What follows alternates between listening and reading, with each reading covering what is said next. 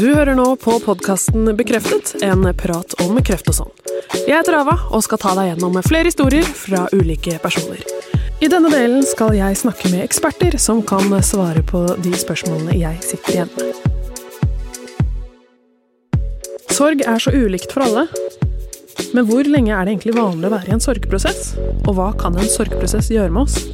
Jeg ringte Mai Aasbø Hauken, som er forsker på Senter for krisepsykologi på Universitetet i Bergen, for å få svar på dette. Kreft er jo en sykdom for veldig mange som gjør at man forsvinner liksom sakte, men sikkert. Er det litt annerledes å miste noen til en sånn type død?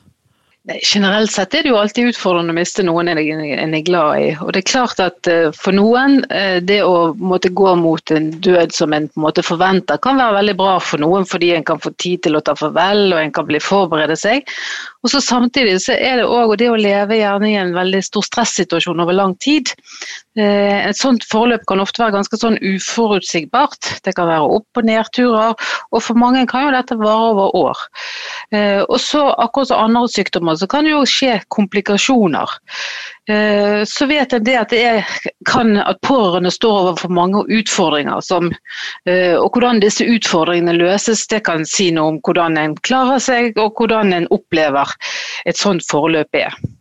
Eh, og, og, de eh, forutsetningene handler jo om hvilken relasjon har en til den som er syk, f.eks.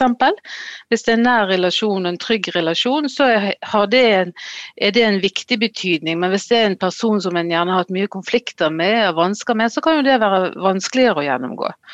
Og så er det jo mange pårørende som opplever at det er det å være vitne til pasientens lidelse. Og for de fleste er jo dette en helt ukjent ting. De fleste av oss har ikke vært med gjerne og vært med gjennom en veldig nær over lang tid, og spesielt ikke hvis du er ung. Så de fleste vil jo oppleve at det er både en ukjent og en stressende situasjon. Og det eh, vi vet òg er noe med å Det å være vitne til pasientens lidelse kan være ganske vanskelig. Det å se en gradvis forverring, og gjerne spesielt dette med hvis det er symptomer som er vanskelig å lindre, og ikke de har fått skikkelig lindring for det. Og da tenker en spesielt på dette med smerter, men òg dette med pustevansker. Og Da er det mange som kan føle seg ganske hjelpeløse, og spesielt hvis de opplever at en ikke får god symptomlindring. Og så handler det jo òg mye om dette med hvor forberedt er man på det som skal skje, og hvor stor trygghet eh, en har. Eh, og I utgangspunktet er jo det, det er veldig vanskelig å forutsi et sykdomsforløp. altså En kan si noe om at det nærmer seg, men det, det, er ofte veldig vanskelig å si noe om hvor lang tid det er igjen. Og Det er noe med den uvissheten og uforutsigbarheten som kan føre til stress. Og Noen mennesker de eh, klarer veldig godt å forholde seg til stress og klarer å tilpasse seg, og andre syns det er vanskeligere. Og Her handler det jo veldig mye om kommunikasjon og informasjon og støtte fra helsepersonellet. Eh, og Spesielt i, i våre dager tenker vi jo at det er veldig viktig at pasientene får så mye hjemmetid som mulig. Det men det vil jo være avhengig av at de pårørende klarer å ivareta det og er trygg og komfortabel med det.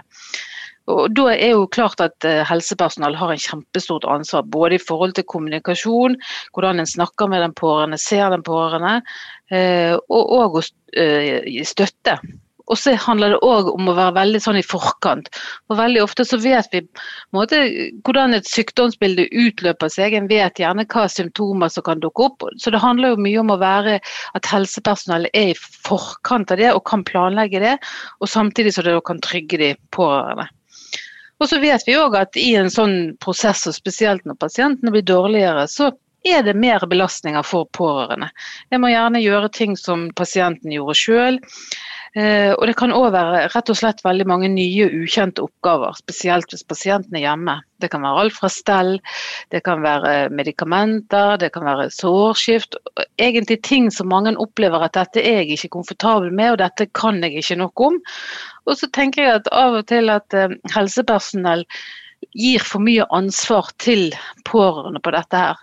Og så kan det jo være det at hvis det f.eks en, eh, det for en, en, ungdom eller en ung voksen å gå inn i f.eks. et stell til en foreldre, kan jo det å oppleves som at det er ikke komfortabelt. For Hva kan skje med eh. dynamikken mellom forelder og barn om man bytter den rollen?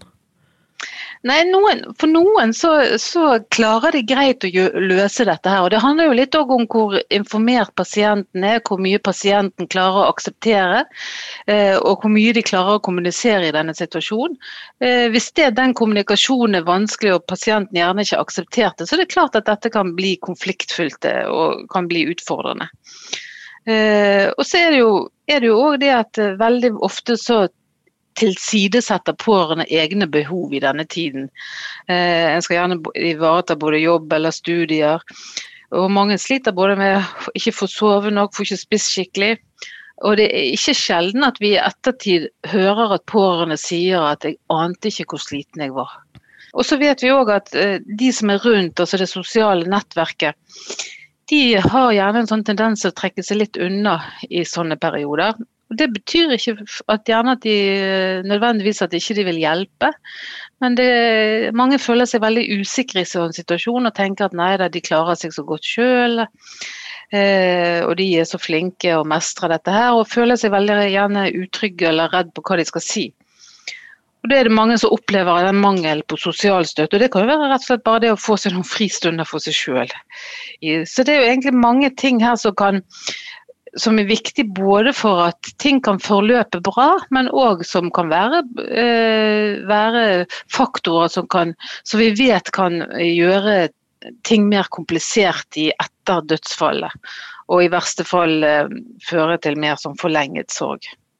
Ja, for det er jo mange typer sorg man snakker om i denne forbindelsen. Det er som ventesorg, og så er det en forlenget sorg, eller man kan også snakke om en komplisert sorg. Hva, hva, er, liksom, hva er, alle disse typer sorgene? Det en snakker om ventesorg, det, det, er den sorgen som egentlig begynner før, før eh, en har mistet, mens den pasienten lever. Da.